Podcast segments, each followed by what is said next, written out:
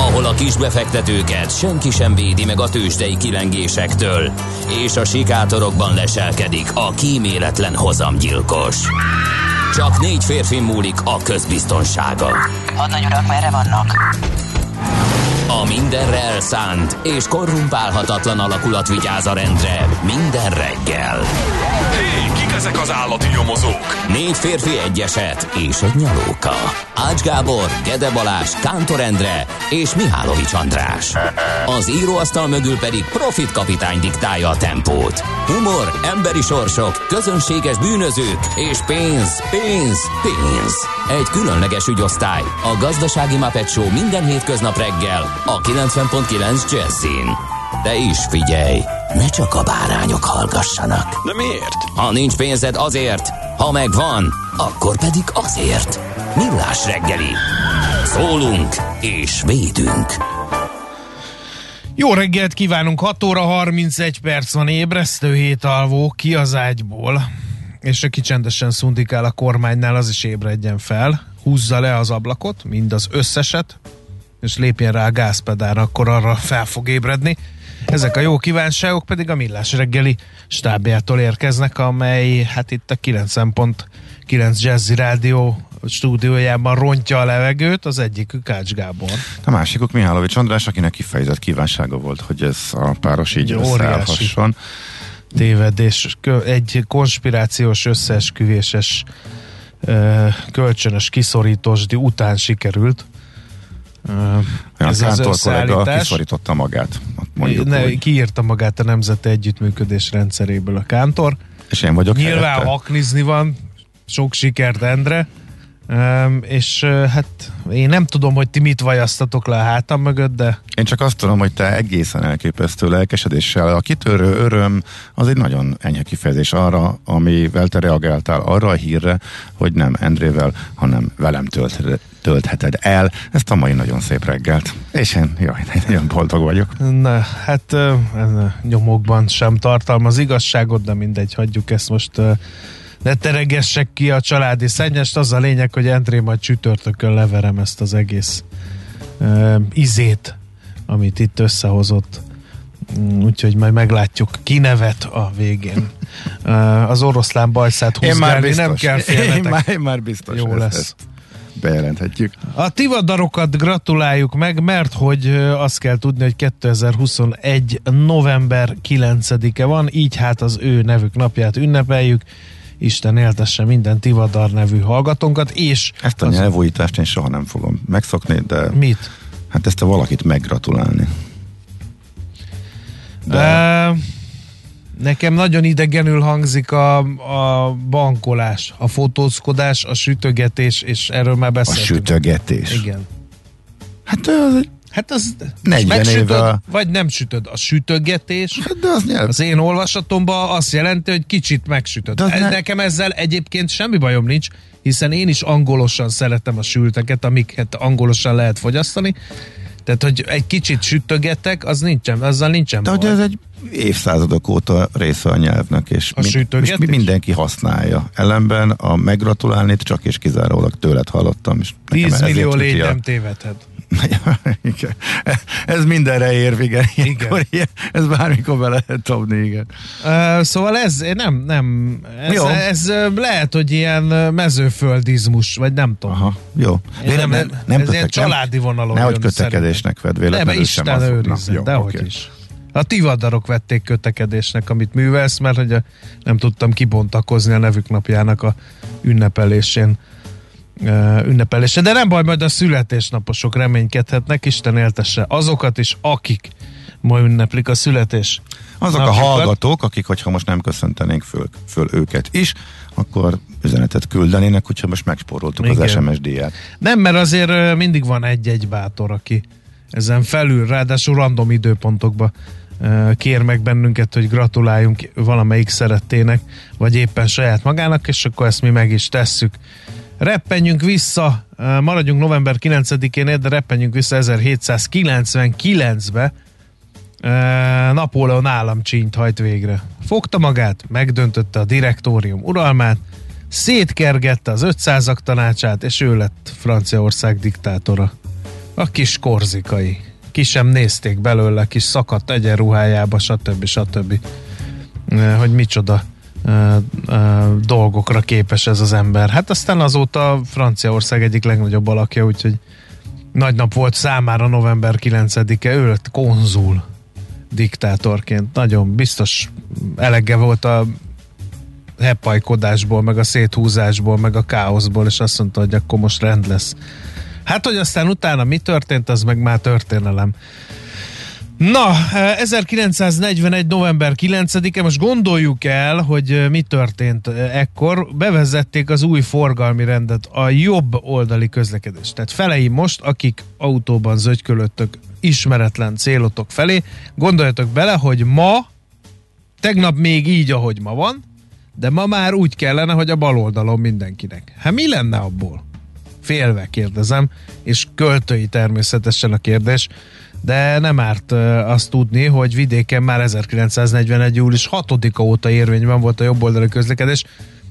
Erről meg az jut eszembe, hogy az ingázók mit csináltak volna. Mondjuk Solymáról befelé a bal oldalon, mondjuk július 7-én, A város határnál. a város határnál át a... Tehát, hogy ez kemény lehetett. Nyilván nem volt Teljesen ennyi autó, tehát Messze, tehát nyilván, de érdekes eljátszani a gondolattal, hogy egy hasonló kaliberű változás ö, mit okozna. Aztán 1989 elkezdték a berlini fal lebontását, megnyitották az NDK határait az NSK irányába, hát emlékezetes tömegjelenteket okozva ezzel a államigazgatási döntéssel, és 1993 egy szomorú dátum az emberiség kultúr történetében, mert a horvát tüzérség fogta magát és szétlőtte Mostárban az öreg hidat. Bosznia-Hercegovinában voltál ottan? Ott Volt, pont voltam. ott nem lettél volna. Vo- Azt magyar utászok állították helyre, azt Aha. is tudni kell. És fantasztikus az egész város egyébként. csúcs. Onnan ugrálnak bele bátor fiatalok a vízbe? Ah, is. Ha van éppen víz. Uh-huh. Meg magas? Mm, igen, eléggé. Szép? Ez nagyon-nagyon szép. Aha. De az egész város nagyon hangulatos, az egész környék, úgyhogy javaslom mindenkinek. Mivel lehet oda menni? Mi pont úgy mentünk, hogy akkor, indul, akkor indult újra a vonatközlekedés Szarajevóból, és vonattal érdemes. Nagyon szép az útvonal arra, va- vasúton is, úgyhogy én, Tehát én azt Budapest. Szarajevó, Szarajevó, vasút. Hát ugye most nincs megszűnve a Budapest Szarajevó járat, hogy tehát Nem már volt rep- kihasználva. repülni nem lehet, igen, de hm, nem tudom, talán még egyszer lesz. Hát nem, hát vagy Horvátország irányából is át lehet menni, onnan, mint Dubrovnikba mentünk tovább busszal, napi há- két-három járat van, onnan is le, át lehet menni. Szarajevói téli olimpia helyszíne. Oda, nem, oda nem mentünk föl, oda, oda nem, de Szarajevó is egy fantasztikus város, szóval mindenképpen azt is ajánlom. 1846-ban ö, ezen a napon, november 9-én született Réti Mór, fizikus, matematikus, műegyetemi tanár, a Magyar Tudományos Akadémia tagja. Őre róla legyen elég ennyi, mert 9 óra után Katona Csaba az ő életéről és munkásságára fog megemlékezni. Sötétben tapogatózom az internetes segítség nélkül Réti Mór munkásságát illetően, úgyhogy nagyon várom az erről szóló beszélgetés. Viszont Hedy Lamar, osztrák születésű amerikai színésznőről már tö- sokkal többet tudok, mert hogy ő nem csak színésznő volt, hanem kiváló feltaláló is. Azt mondták egyszer, vagy azt mondta egyszer, hogy hogy bármelyik lány lehet elbűvölő, csak annyi kell, hogy nyugodtan álljon és nézzen bután. Ő ezt mondta, és egyébként nagyon-nagyon tehetséges műszaki ember volt. Például fennmaradt egy sztori, hogy a híradásokból tudta, hogy a szövetségesek igen sok torpedót veszítenek. Akkoriban legendásan rossz volt a, a, a szövetségeseknek a torpedó arzenája, és gondold el, hogy milyen az, amikor életedet kockáztatva közel lopózol egy ellenséges hajóhoz, vagy nem is lopózol, hanem repülőről megtámadod, áthámozod magad a légvédelmi tűzön, stb. stb. ledobod a torpedót, ami eltalálja, csak épp nem robban fel, az bazi idegesítő lehet.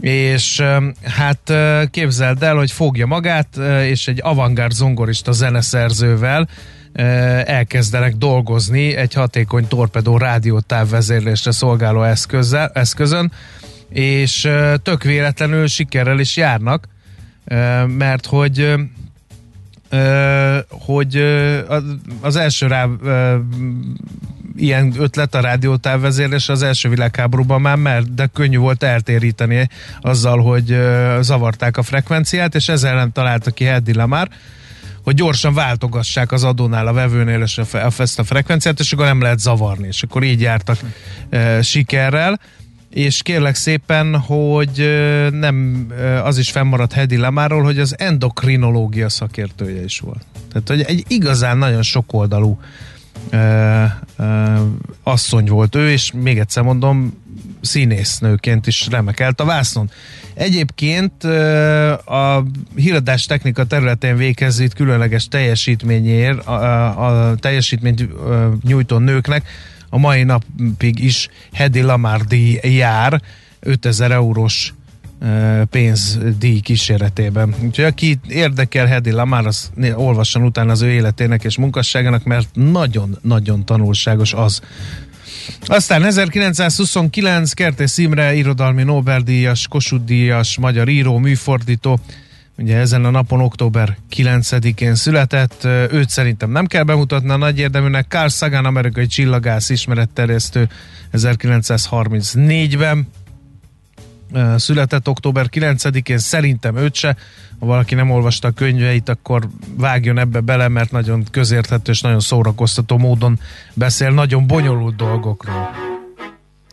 Közben már bele Annyira, persze, be, mert hogy annyira ittam szavaidat, hogy nem figyeltem oda, hogy kellene nyomni egy gombot. Az egyik, az egyik kedvenc zenekaromnak, a Creedence Clearwater Revivalnek az amerikai énekes, vagy az amerikai bandának az énekes zeneszerzője Tom Fogerty is ünnepel, de nem ő a frontember, ide írta nekem a Kántorendre, hanem John, a bátyja, és ajánlott is tőlük zenét, nem tudom, hogy Ács Gáborhoz eljutott-e. Hát Persze, de még, még gondolkodom. Szeretnéd meghallani? Te ismered? Hát vagy? én szeretem a Creedence Clearwater Tényleg? Hát jó, oké, akkor előveszem neked. Mindig, amikor vietnámi veterán akartam lenni a 90-es évek elején, akkor mindig ilyeneket hallgattam. Na, eh, Bill Gerand, eh, Stanley Kupa győztes amerikai ezüstérmes amerikai jégkorongozó, vagy olimpiai ezüstérmes amerikai jégkorongozót ünnepelhetjük, még ő 1970-es éve, évjáratú, és egy nagy futballikon, Alessandro Del Piero, olasz labdarúgó is ünnepel, 1974-ben született. És most vettem észre, hogy a feltalálók napja van Ausztriában, Németországban és Svájcban, pont Hedy Lamar színésznő és feltaláló születésének okán. Na, hát akkor muzsikáljunk, ne habozzál. Oké, okay. nem tudom, hogy ezt mennyire mondtad komolyan. A Komolyan de- mondtam, hát. Jó, oké, okay. akkor mondjuk úgy, hogy elhittem. No, hát mindazok a drága hallgatók, akik ilyen és ehhez hasonló üzeneteket írnak, hogy DJ Carpenter for President, azok revideálják álláspontjukat, ugyanis ez a szám nem hangzott volna el DJ Carpentertől, ha én nem lobbizom érte. Ennyit erről. Na mindegy, hát az ember nem lehet proféta a saját hazájába, az hát biztos. Figyelj, aki egyszer kiteregette a kedvenc listáját Samantha Fox-tól, Igen, hát minden nevő vagyok a, a, van, bro, a broszig, az, Így van. az semmiképp sem gondolná, hogy a te külön kívánságodra veszünk elő Igen. ilyen zenéket, de figyelj, én berak, legyen még progrok? De, de nem, nem. Ne, Az, elrontott frizurás, az elrontott frizurás, csípőre engedett gitárral, jajongó, angol száz fiatal emberek nem okoznak ilyen nagy eufóriát bennem. Na, eh, Akkor ott főleg nem értem, hogy ez miért, de oké. Okay. Jó. Ott tartottunk, hogy az ember aztán tényleg mondhat Hedy Lamarról ódákat, meg vázolhatja Napóleon lelki világát.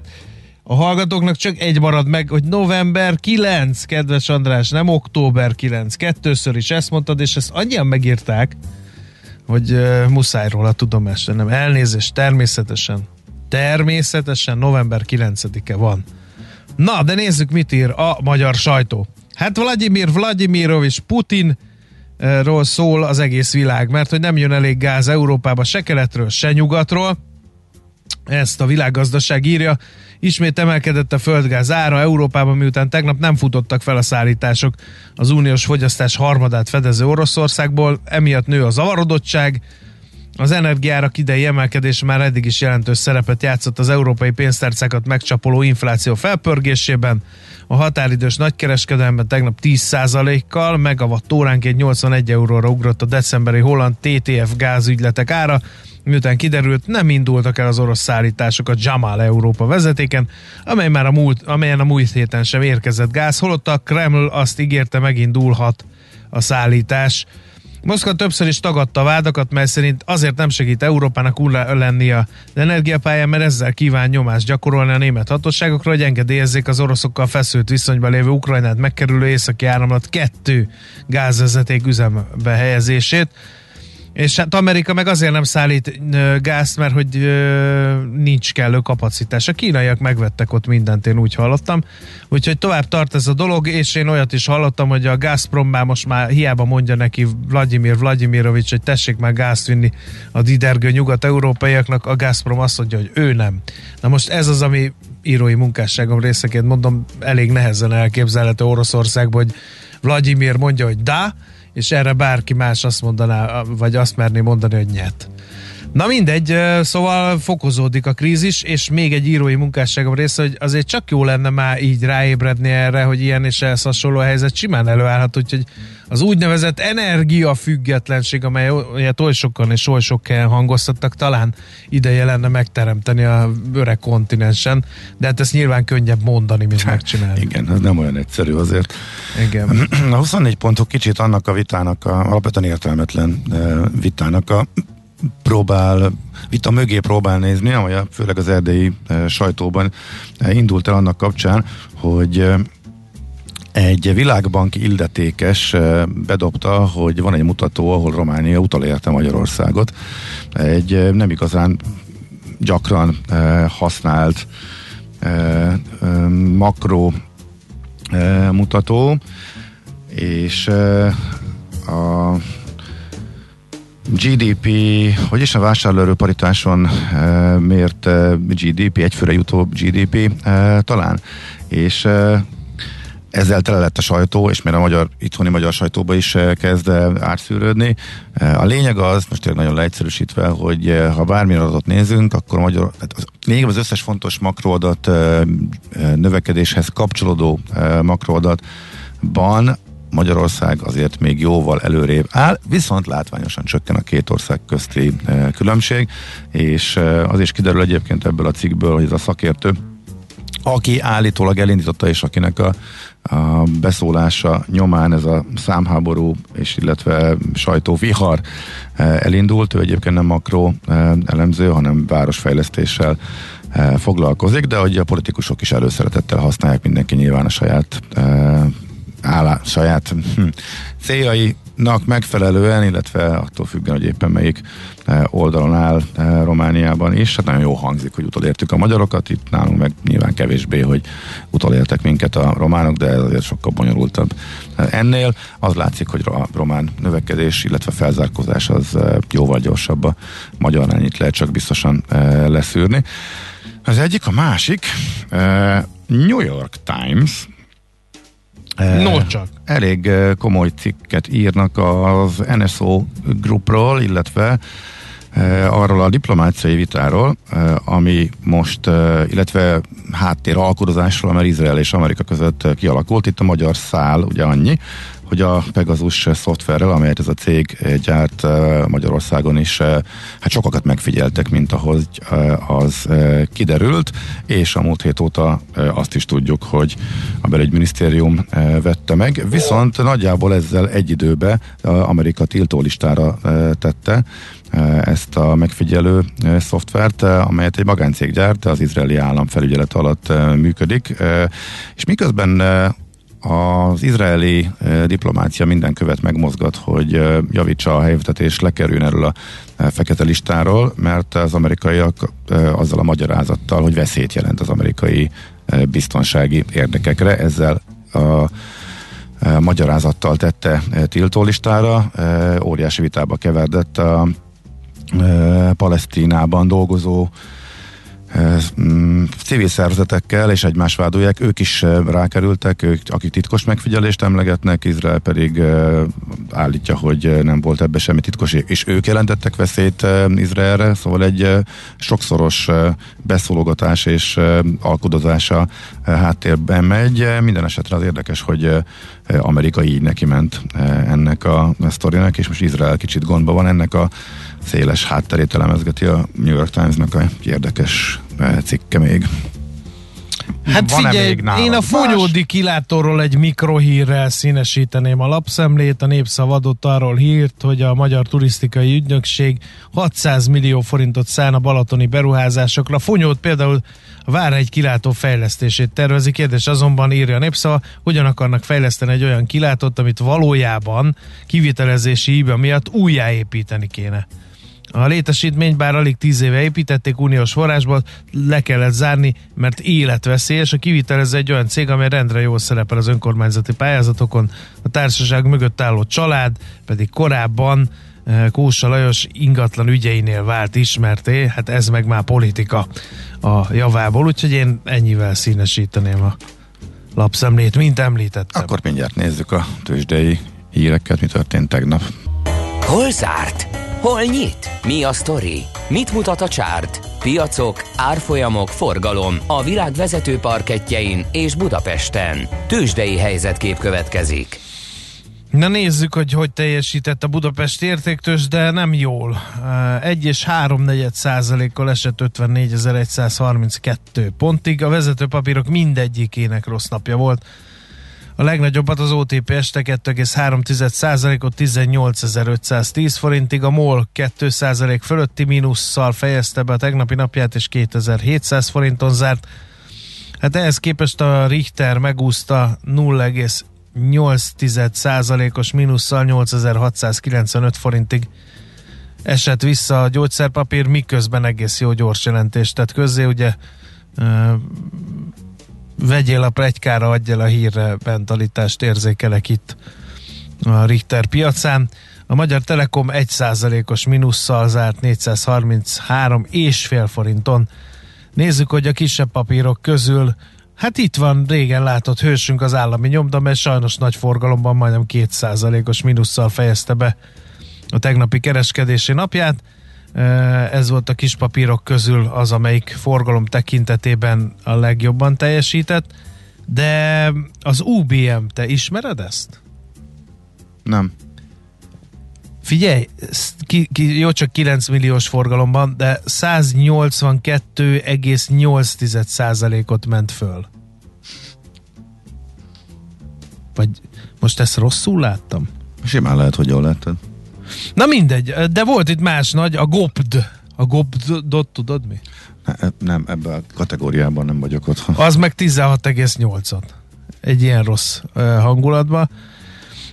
A Deltának egyébként nem volt jó napja, 7%-os mínusz szedett magára, az is viszonylag érzékelhető forgalomban, és a nap is esett 6,8%-ot, az is érzékelhető forgalomban, úgyhogy hát ennyi történt Budapesten. Ekközben a nemzetközi piacokon.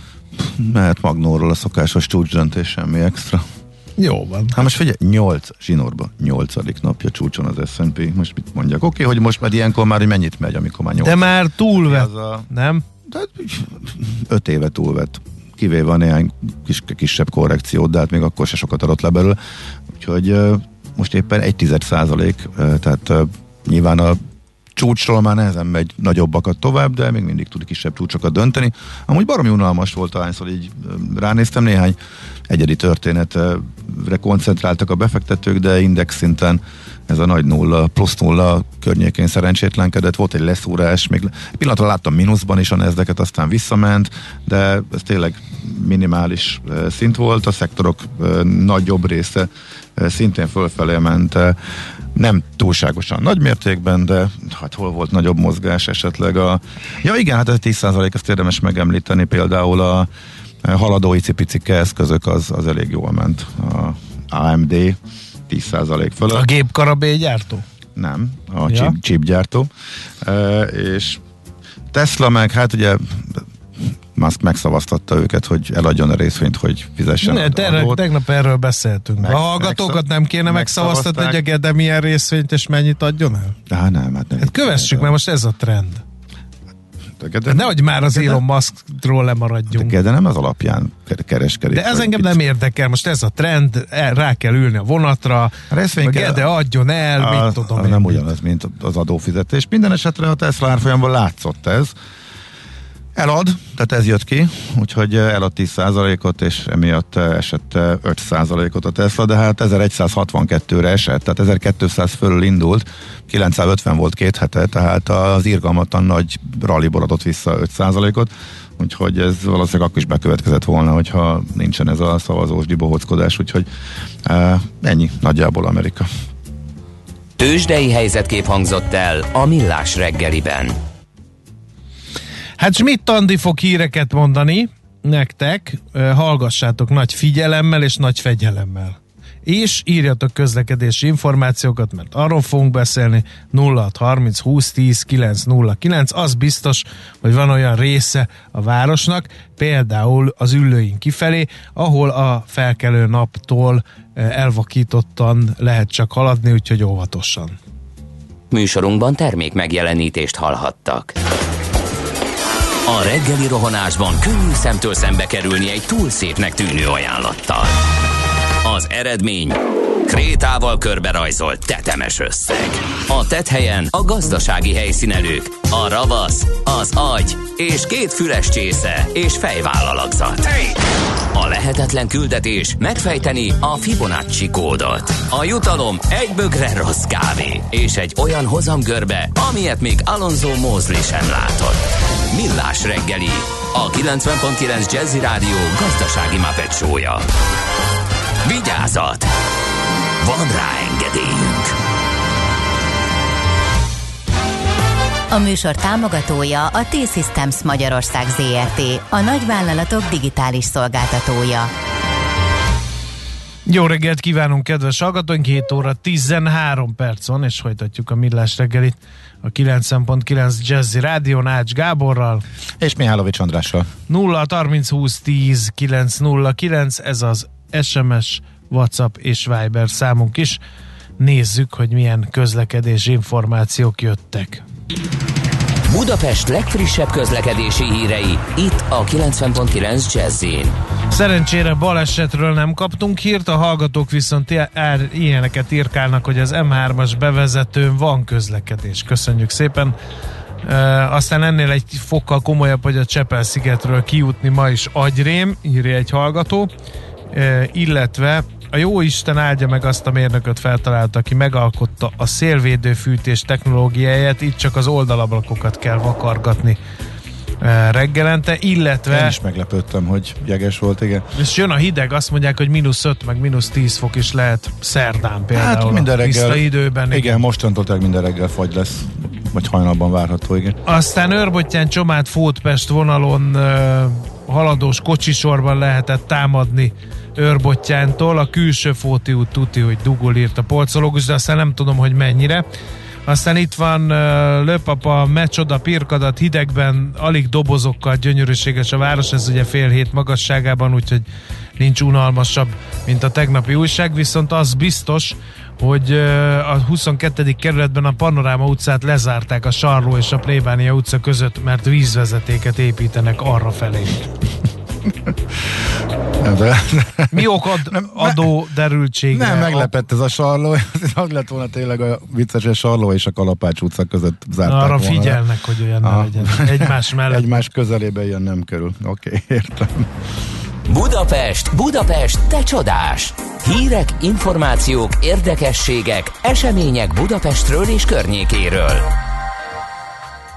No, hát... Uh, a Guardian című lap figyelmét ragadta meg székes fővárosunk, és olyannyira, hogy kiderült, hogy ajánlja téli úti célként Budapestet. Jó, a jeles most, angol lap. Most ugye Ki nem? Ez annyira vicces, hogy annyira örülünk ennek, és annyira el vagyunk ájulva, és ilyenkor ez úgy fut végig a magyar sajtón, hogyha bármelyik ö, világlap. leírják, hogy Budapest. Egy, egy, leírják, hogy Budapest, egy, egy tízes vagy huszas listába bekerülünk, hát rendszeresen bekerülünk, mert nagyon jó úti cél, nagyon szép város. Olcsó, a azt jó. Hát úgy gyengült a forint, hogy hihetetlenül olcsó. Na, de, de ez annyira, annyira érdekes, De- de, tényleg annyira jól esik mindenkinek, Igen. annyira szívesen. a mi sikerünk, Szemlézik közös- a hírekben, Igen. mind a, a, Figyelj, de vagyunk. m, érdekes a megközelítése, mert azt írják, hogy a 10 téli úti cél Európában síelőknek és nem síelőknek. Ez Igen, a igen, cikknek igen. a címe, és figyeld, az Angliából érkezők turisták Londonból vonattal Brüsszel felé vehetik az irányt, ahol átszállhatnak a Kölni járatra, elfogyaszthatnak egy esti vacsorát, mielőtt felszállnának a Budapest felé induló éjszakai vonatra, amelyel Bécset érintve délben érkezhetnek Budapestre.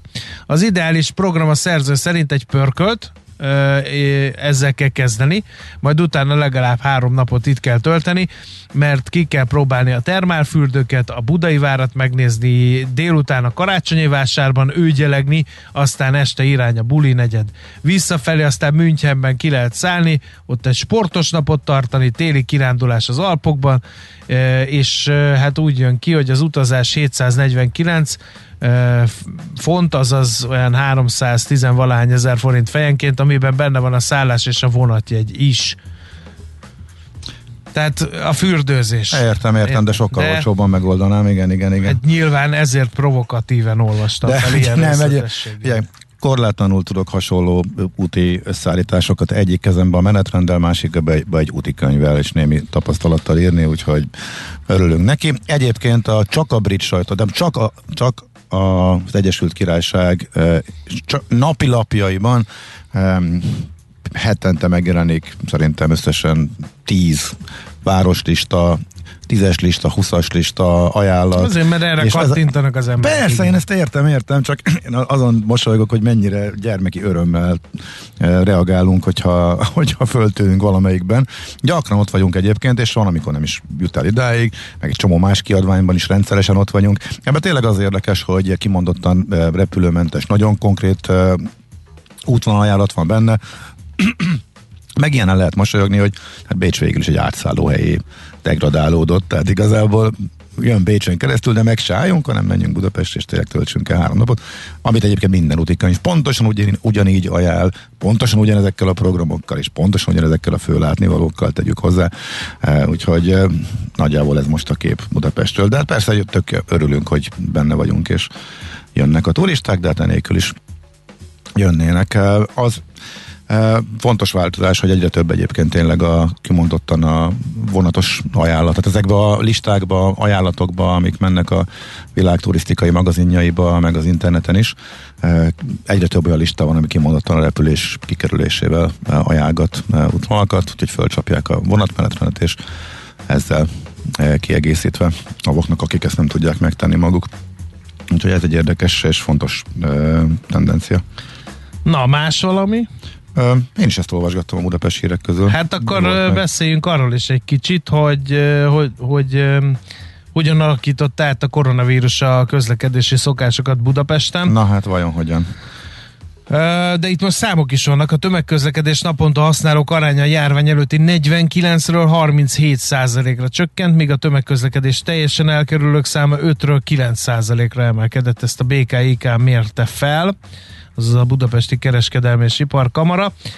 Visszaesett a taxis szolgáltatások igény, iránti igény is, legalább havonta, akik ilyet igénybe vesznek, az 11 volt, de ez nem változott, azonban az alkalmanként taxizók száma jelentősen csökkent. Ö, 12%-ról 8%-ra. Más eszközök használata sem növekedett, ezek ugye az autó, kerékpár, robogó. Ez azt jelenti a kutatás szerint, hogy az emberek összességében kevesebbet közlekednek a fővárosban, mert hogy home office-ban vannak. A válaszadók ö, harmada egyébként úgy vélt, hogy a járvány teljes lecsengése után is kevesebbet fog közlekedni a fővárosban, legyen szó akár saját eszközről, akár tömegközlekedésről, tehát úgy tűnik, mondja ki a felmérés, hogy a változás tartósnak ígérkezik.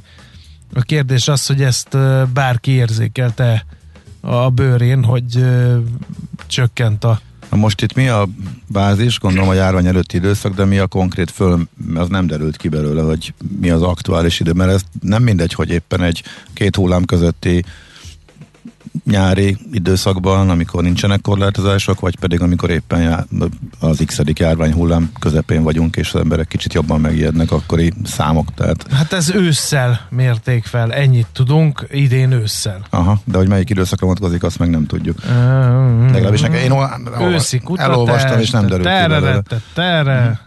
Jó. Kutatás szeptemberben készítette a Budapesti Kereskedelmi és Iparkamara megbízásában a Trend International Market Research Kft. Az akkori. Ezer fős mintán 16 évesnél idősebb Jó, budapesti az, lakosok okay. és agglomerációsok. De hogy az akkori állapotra vonatkozott a kérdés, hát vagy a járvány én általában? azt gondolom, hogy Na igen, az akkori, ez egy pillanatfelvétel. Tehát duplájára nőtt azoknak a száma, akik nem ülnének föl megközlekedésre, és ez így is maradt. Ugye én azt gondolom, hogy vannak a legtöbben, akik így döntöttek, visszatérhettek, amint javult a helyzet. Legalábbis akiket én ismerek, ezt, ezt tették és csinálták, ezért érdekelt volna kicsit jobban, hogy pontosan melyik időszak. Na jó, oké. Ennyit akkor erről a kutatásról is. Nekünk a Gellért hegy a Himalája. A Millás reggeli fővárossal és környékével foglalkozó robata hangzott el. Tudni akarod, hogyan lehet hatékonyabb a céged? Yeah! Szeretnél több energiát jobban felhasználva versenyképesebb lenni? Fontos lenne, hogy pazarlás helyett a megtakarításon legyen a hangsúly. Akkor jó helyen jársz. Cégenergia. Céges energiafogyasztás, energetikai tudnivalók, teendők és döntések. Áram- és földgázvásárlás, energiahatékonysági megoldások és megújuló energiafelhasználás. A Millás reggeli üzleti energiafogyasztás rovata. A Cég Energia Robot támogatója az Alteo csoport. Alteo.hu. Energiában gondolkodunk. No, hát nem lennék egy magyar önkormányzat, ez biztos, mert hogy az oké, hogy a rezsi csökkentés pajzsa védi a magyar átlagfogyasztót, de az önkormányzatokat nem, és az elszálló áramárak miatt a 2022-es áramvásárlási közbeszerzéseiket sorra nyilvánítják eredménytelennek. Na de hát, akkor mi lesz az új év kezdetétől? A lakossági részben nem megyünk bele, de mivel, hogy az önkormányzatok közfeladatokat látnak el közhivatalok, és a működésüket azért mi finanszírozzuk, azért nézzük meg, hogy ilyen helyzetben mit lehet tenni. Aki kalauzunk lesz, Weinhardt Attila, a Portfolio.hu vezető elemzője. Szerbusz, jó reggel! Szerbusz, köszöntelek, és a hallgatókat is, sziasztok! No, a kérdés az az, hogyha folyamatosan mennek fölfelé az árak, és ugye kellene közbeszerezni, hogy akkor most mennyit fog a villanyszámlája után fizetni egy-egy önkormányzat jövőre, akkor ilyenkor mit csinálnak? Ugye amíg ez a mostani válságos helyzet nem alakult ki, ugye azt azért július-augusztusban még kevesen gondolták, hogy idáig jutunk akár a gázárakban és ezzel összefüggésben az áramárakban, addig ugye a, a helyhatóságok, az önkormányzatok is elkezdték ugye meghirdetni a szokásos éves áramvásárlási közbeszerzéseiket, ugye egy áramév az január 1-től kezdődik, tehát gyakorlatilag július-augusztustól ezeket szépen kiírták, ahogy szokták, és ugye a beérkező ajánlatok ugye szeptember-októberben már ugye azt mutatták, hogy uh, akár nettó 60-70 forint körüli uh, kilovattóra uh, árakat kínáltak a, az erre jogosult cégek, és hát ugye ez gyakorlatilag a két-háromszorosa annak, ami az idei évi éves áramvásárlási szerződésükben a, a rögzített ár. És ilyenkor a, a közbeszerzési törvénynek van egy olyan passzusa, hogyha nincs kellő fedezet egy önkormányzatnál a majdani bevásárlásra, vásárlásra, közbeszerzésre, akkor egyszerűen érvénytelennek kell nyilvánítaniuk, tehát fedezet hiány nélkül nem mehetnek bele egy vásárlásba, ez érthető Természetesen is gyakorlatilag ez történik most, uh-huh. hogy, hogy a saját kiírt közbeszerzéseiket leállítják. Hát de az oké. Okay. Ilyen áron nem mennek bele ezekbe a... Ez, ez értető, hiszen ez a kötelezettségük, de hát akkor meg hogy lesz világítás? Igen, ez a legfontosabb kérdés, és szeretném megnyugtatni a hallgatókat is, hogy itt nem kell valami drámára és sötétségre számítani január 1-től.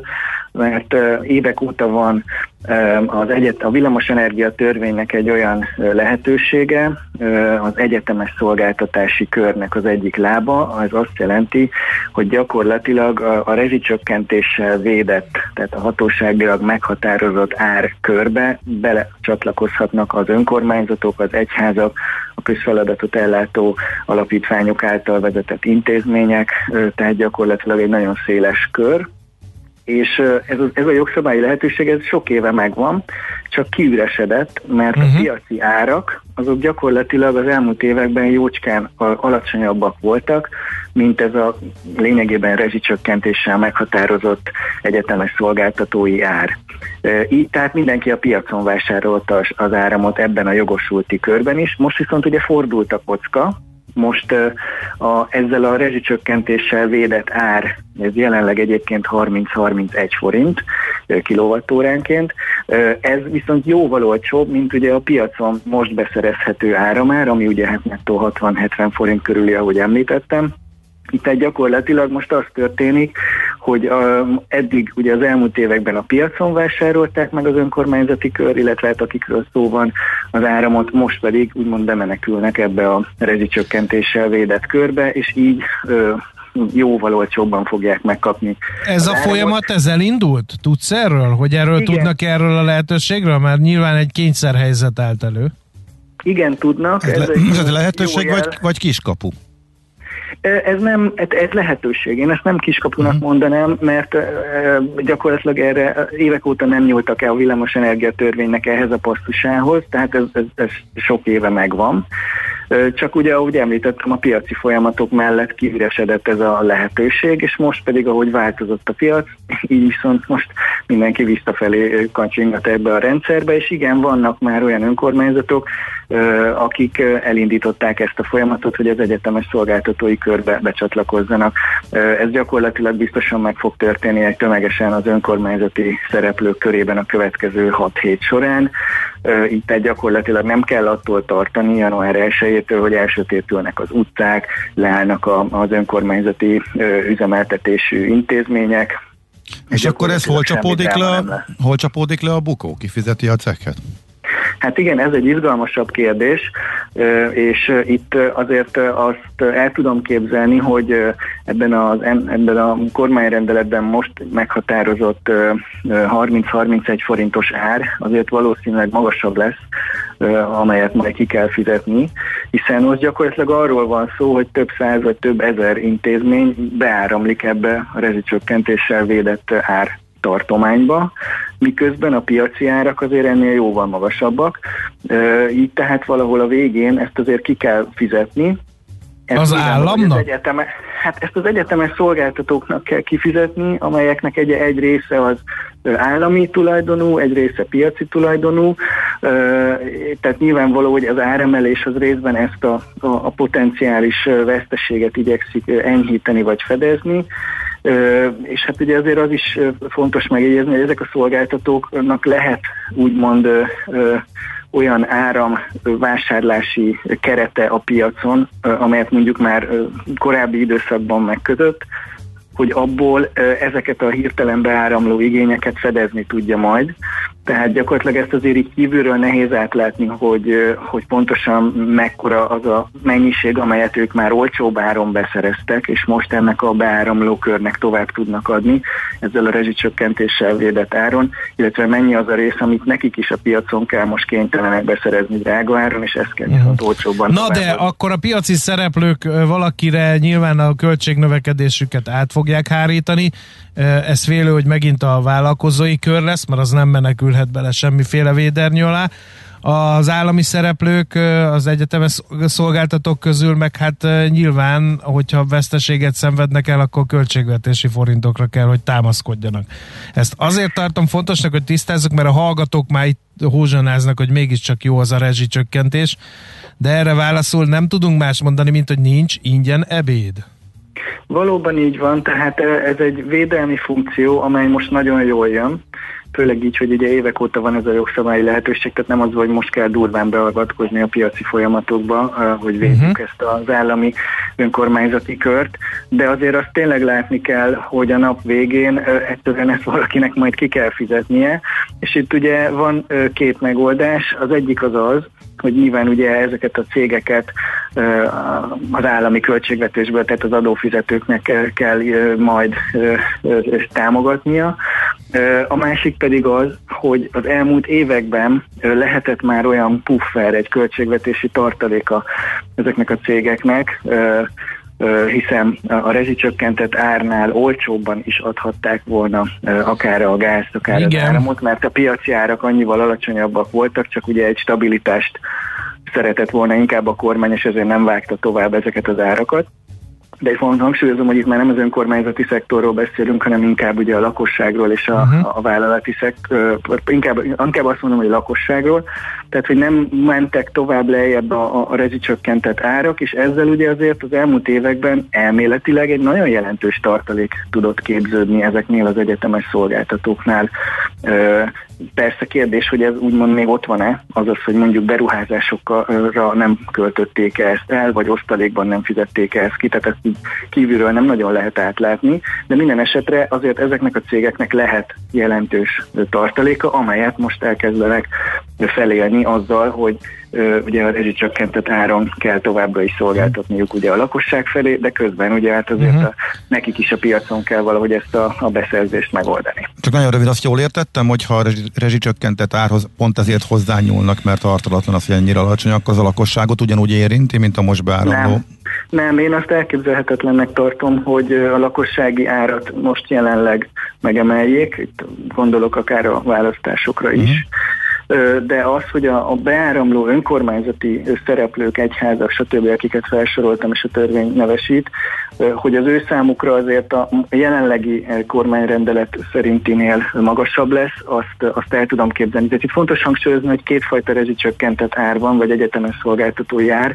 Az egyik az a lakossági körnek vonatkozik, a másik pedig a nem lakossági, tehát uh-huh. ez a négy-öt fajta szektor, akiket említettem még, és gyakorlatilag az ő tarifájuk ugye jelenleg 30,4 és 31,02 forint, és ez elképzelhető, hogy 35-36, akár 40 forintig felemelkedik, hogy ezzel ezt a, a beáramló körnek az áramellátásával kapcsolatban megugró költséget azért ezek az egyetemes szolgáltatók hmm. valamennyire tudják fedezni. Na, de vannak olyan közszolgáltatók, akik nem menekülhetnek be a, a, a védernyő alá, ezek a vízközmű cégek, pedig azok is közszolgáltatásokat végeznek, és ráadásul őket is elég keményen és mélyen érinti ez a mostani magas ára már, hiszen gondoljunk csak bele hány szivattyút, meg generátort, meg mindent kell működtetni azért, hogy a csapból folyjon a víz. Velük mi lesz?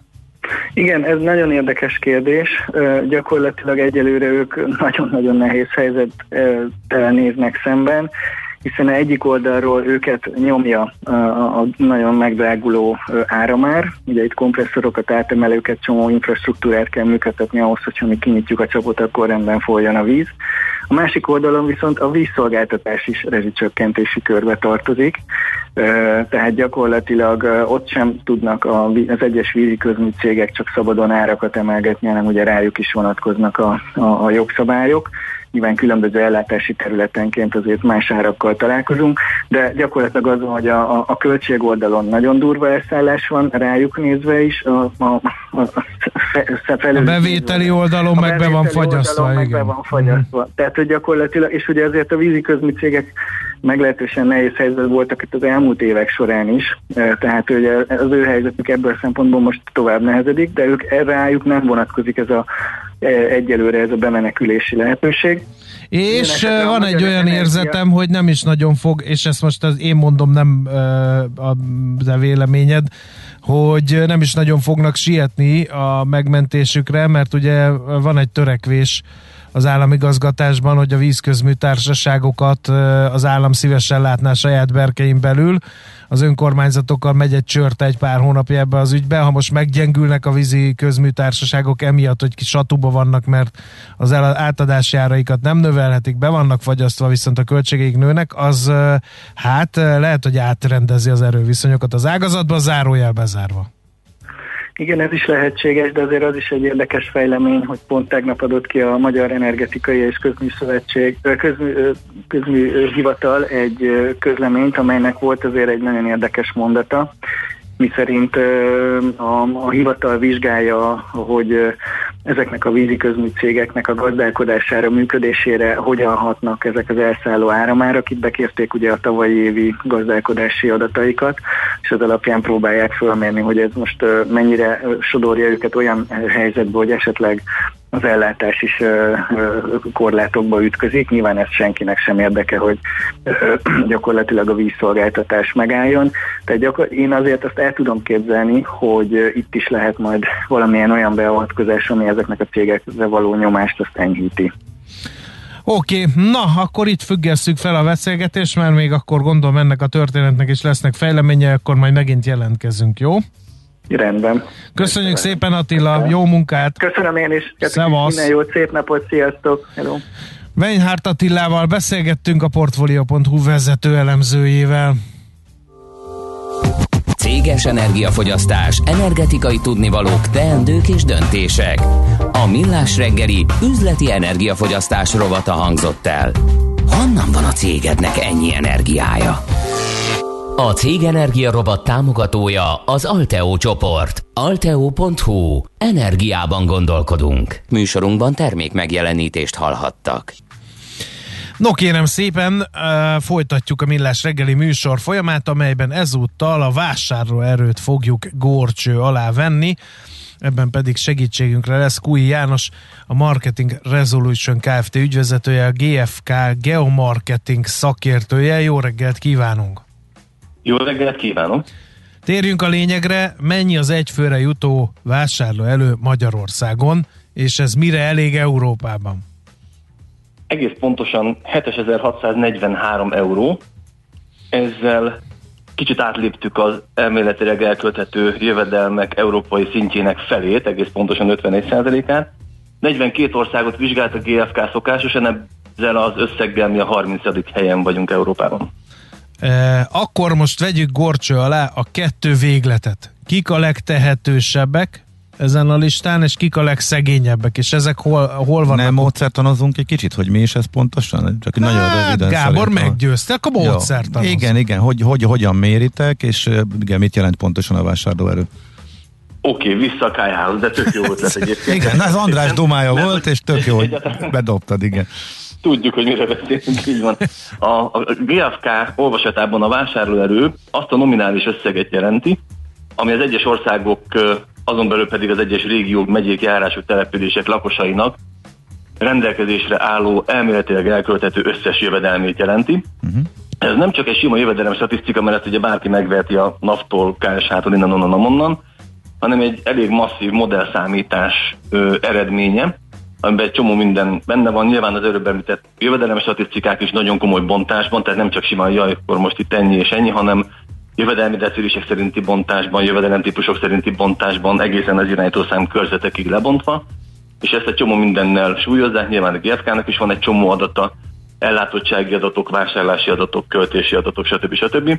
Nyilván egy országnak az általános fejlettsége is számít, ugye a GDP, annak a változása, árfolyamok, ugye az is egy elég fontos mutató, és így gyúrja össze GFK ezt a vásárlóerő nevű dolgot, amit ugye nominálisan euróban fejez ki, mert hogy ugye össze kell, hogy hasonlítsuk az országokat.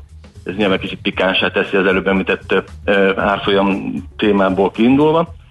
És ugye ez főleg ilyen regionális tervezésekhez nagyszerű kis segédanyag, de hát természetesen fontos tudni, hogy mennyi az annyi, mennyi a jövedelem, és az hogyan változik regionálisan, illetve időről időre. Ez, ez éves szintre vonatkozik, vagy, vagy hogy Így jön van. ki? Uh-huh. Így van, ez per fő per év, aggastyántól a csecsemőig. Uh, nyilván ugye ez egy nagy átlag, uh, és hát ugye ahogy Európán belül, úgy Magyarországon belül is egész komoly uh, különbségek tudnak lenni. Uh-huh. Akkor vegyük először az európai különbségeket. Kik vannak a lista élén? A legelső az Liechtenstein, gyakorlatilag kirobbanthatatlanul, de hát nyilván azt a 30 valahány ezer lakost abból a 64.600 euró éves jövedelméből valóban nehéz is ennek kimozdítani. A második helyzet Svájc, nagyságrendről 40 ezer eurónyi jövedelemmel per fő per év. A harmadik helyzet pedig Luxemburg, ugye ezek hagyományosan elég tehetős államok Európában. A másik végleten pedig, ugye, ahogy kérdeztétek, Koszovó, Moldova és Ukrajna van. Összehasonlításképpen, hogyha mondjuk az indexeket nézzük, ugye az európai átlagot száznak véve, ugye az, a, az attól való eltérés mutatja az index, amíg Liechtensteinben ez 430, tehát több mint négyszerese az átlagnak, addig Ukrajnában alig 13 százalék, tehát épp, hogy a 13%-át eléri az átlagnak az ottani jövedelem, tehát ha az legelső és a legutolsó közötti különbséget veszik, akkor ott egy óriási szakadékot látunk.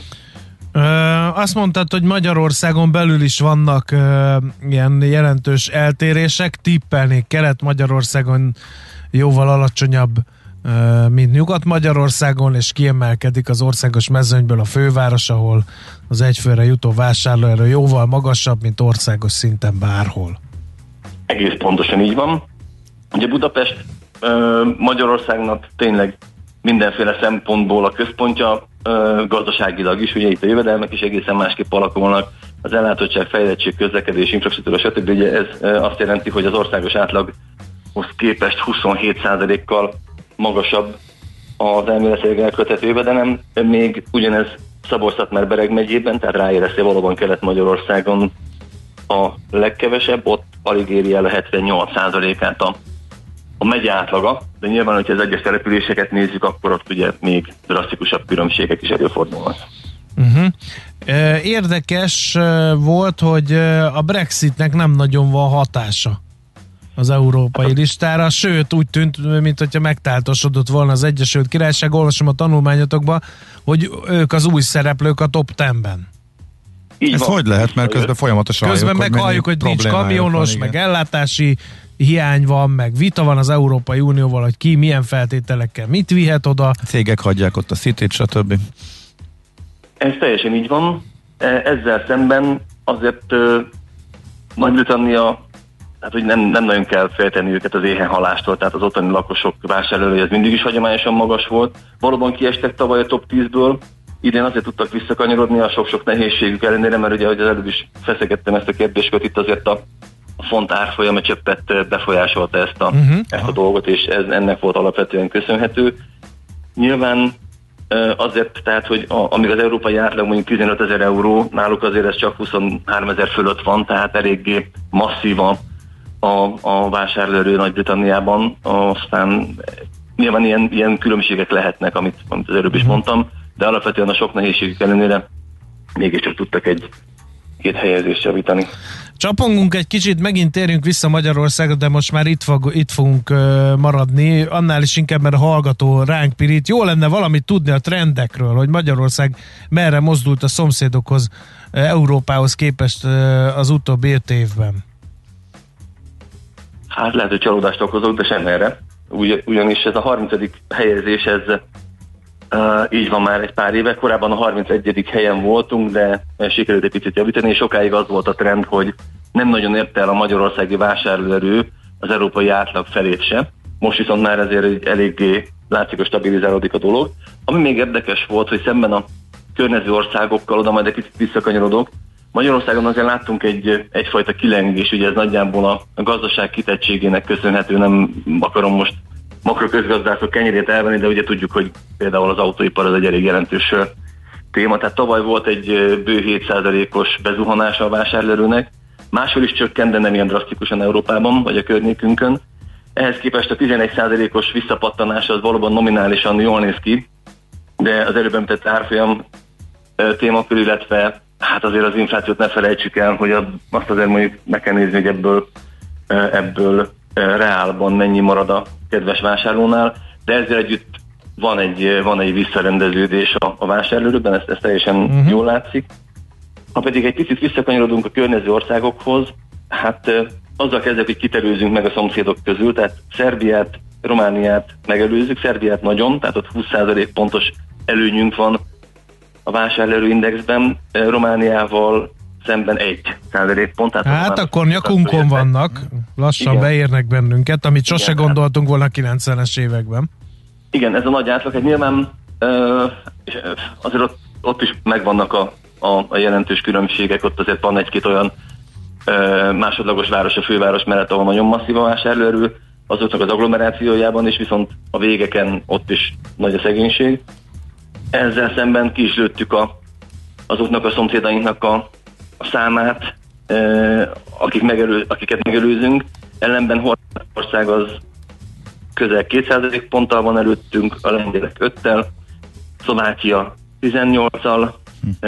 Csehország ugyan nem szomszédunk, de mindig szeretjük magunkat a csehekhez hasonlítani, ők 20-szal vannak előttünk, tehát 20 ponttal, ők egy kicsit közelebb vannak az európai átlaghoz ezáltal. Mint Igen. Ha már az agglomeráció szóba került a magyar városra bontott listán is továbbra az agglomerációs telep, települések állnak az élen vásárlelő tekintetében. Ugye itt sem látok olyan nagy változást, ugye ez így volt korábban is, hogyha az 5000 főnél nagyobb, Budapest nélküli, Budapest nélkül nézve a településeket Mondjuk ki, elég a ködösítésből. Mondjuk ki. Nagykovácsi ki sehol, a leggazdagabb település? Nincs, sehol nincsen Nagykovácsi.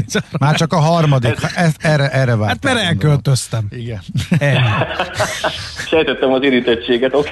Okay. Uh, igaziból ami valóban, tehát az, hogy most plusz-minusz egy-egy helyezés a top 10-ben, uh, ugyanúgy, mint ahogy a, a, az európai top listában, nyilván nem esünk hanyat tőle, de továbbra is üröm, Paks Nagykovácsi a top 3, de ott van még Budaörs a negyedik helyen, Solymár, Diós, Szentendre, Törökbálint, Dunakeszi, és Győr barát, ha már agglomerációban nem Budapest, hanem Győri agglomeráció, de talán nem okozott nagy meglepetést.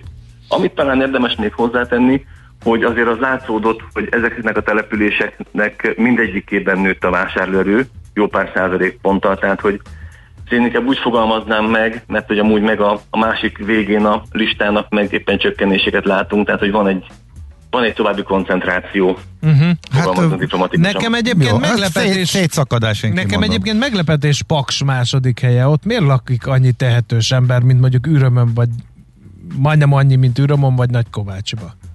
A tehetős orosz munkások oda költöztek atomerőművet építeni? Nem tehetőséget jelent, hanem sok fizetést. Igen, tehát Paks a, a működő ö, blokkok, tehát az atomerőműnek és a, a kiszolgáló dolgainak köszönhetően réges-rég a top listán van, tehát ez nem nagy meglepetés. Azt, hogy szépen menetel előre, azt mikroban érdemes lenne esetleg megnézni, megmondom őszintén nem mostanában voltam Pakson, de szépen följöttek valóban a második helyre. Nyilván ebben valóban benne lehet az, hogy ott azért történnek dolgok, de miután az orosz munkások jövedelmei valószínűleg nem oda vannak becsatornázva, mármint úgy értem a hivatalos jövedelem statisztikákban, lehet, hogy tévedek, ellenben egy csomó olyan vállalatnak esetleg keletkezhetett ott leányvállalata, amely mondjuk a, a vállalkozói jövedelmeket ott egy picit befolyásolta, és, és ez, ez is hozzájárulhatott a dologhoz. Egyébként az atomerőműben dolgozóknak a jövedelmei egyébként is mindig elég erősek voltak. Uh-huh. Jó, nagyon szépen köszönjük, nagyon tanulságos összeállítás volt. Jó volt ezt egy kicsit átbeszélni, hogy lássuk, hol vagyunk vásárlóerő tekintetében uh, Európában, meg Magyarországon belül mi a helyzet ezzel a témával kapcsolatban. Köszönjük még egyszer az áttekintést. Szuper volt. Köszönöm szépen, mindig nagy örömmel. Minden jót! Minden jót! Új Jánossal a Marketing Resolution Kft. ügyvezetőjével, a GFK Geomarketing szakértőjével vitattuk meg, hogy állunk 2021-ben vásárlóerő tekintetében. A szerencse fia vagy? Esetleg a szerencse lánya? Hogy kiderüljön, másra nincs szükséged, mint a helyes válaszra. Játék következik. A játékosok között minden nap kisorsolunk kettő darab páros belépőt, vagy a magyar-olasz, vagy a magyar-ukrán jégkorong meccsre, valamint egy-egy dedikált magyar válogatott meszt a Magyar Jégkorong Szövetség jóvoltából. Ezen kívül a héten helyes megfejtés beküldők a pénteki napon részt vettnek egy sorsoláson, ahol a főnyermény kettő darab VIP Hospitality jegy a Magyarország-Ukrajna mérkőzésre. Mai kérdésünk így hangzik. A magyar jégkorong válogatott melyik országban szerepelt először téli olimpián? A. Svájc, B. Egyesült Államok, vagy C. Németország? A helyes megfejtéseket ma délután 16 óráig várjuk a játékkukac jazzy.hu e-mail címre. Kedvezzem ma neked a szerencse! Már éppen azt mondtam, hogy Schmidt-Andi belenézett a labba, Labba, labba nézett, nem, nem, abba, nem, bele, abba is belenézett, belenézett. hiszen nem tudna híreket szerkeszteni, ha nem Valóban? nézett volna bele a labba. De a napba is belenézett, és itt borzolta a haját, és elmerengve tekintett kifelé az ablakon. De amikor megfordult, akkor visszatért a jó megszokott kerékvágásba, és egy méretes ásítás eresztett el irányunkba, eh, és úgy látom, hogy most nem akarja kommentálni mindezeket. De Nem, lehet, mert lehet, csak le. azért, mert oda, mert a De azért, nem- hátizsákom ül a helyén. Nem vagy elég in- inspiráló azért. Én ki tudnám provokálni, hogy leüljön, és beszéljen hozzátok, de majd meglátjuk legközelebb. Na majd igyekszünk akkor még ko- komoly kampány Például keretében- azzal, hogy csak hogy befáradtál a munkahelyedre. Erre Igen, már komoly biztos kampány lenne keretében észrevétel. 9 órára megpróbáljuk becsábítani a mikrofon elé. De most jönnek tehát tőle a hírek. Műsorunkban termék megjelenítést hallhattak.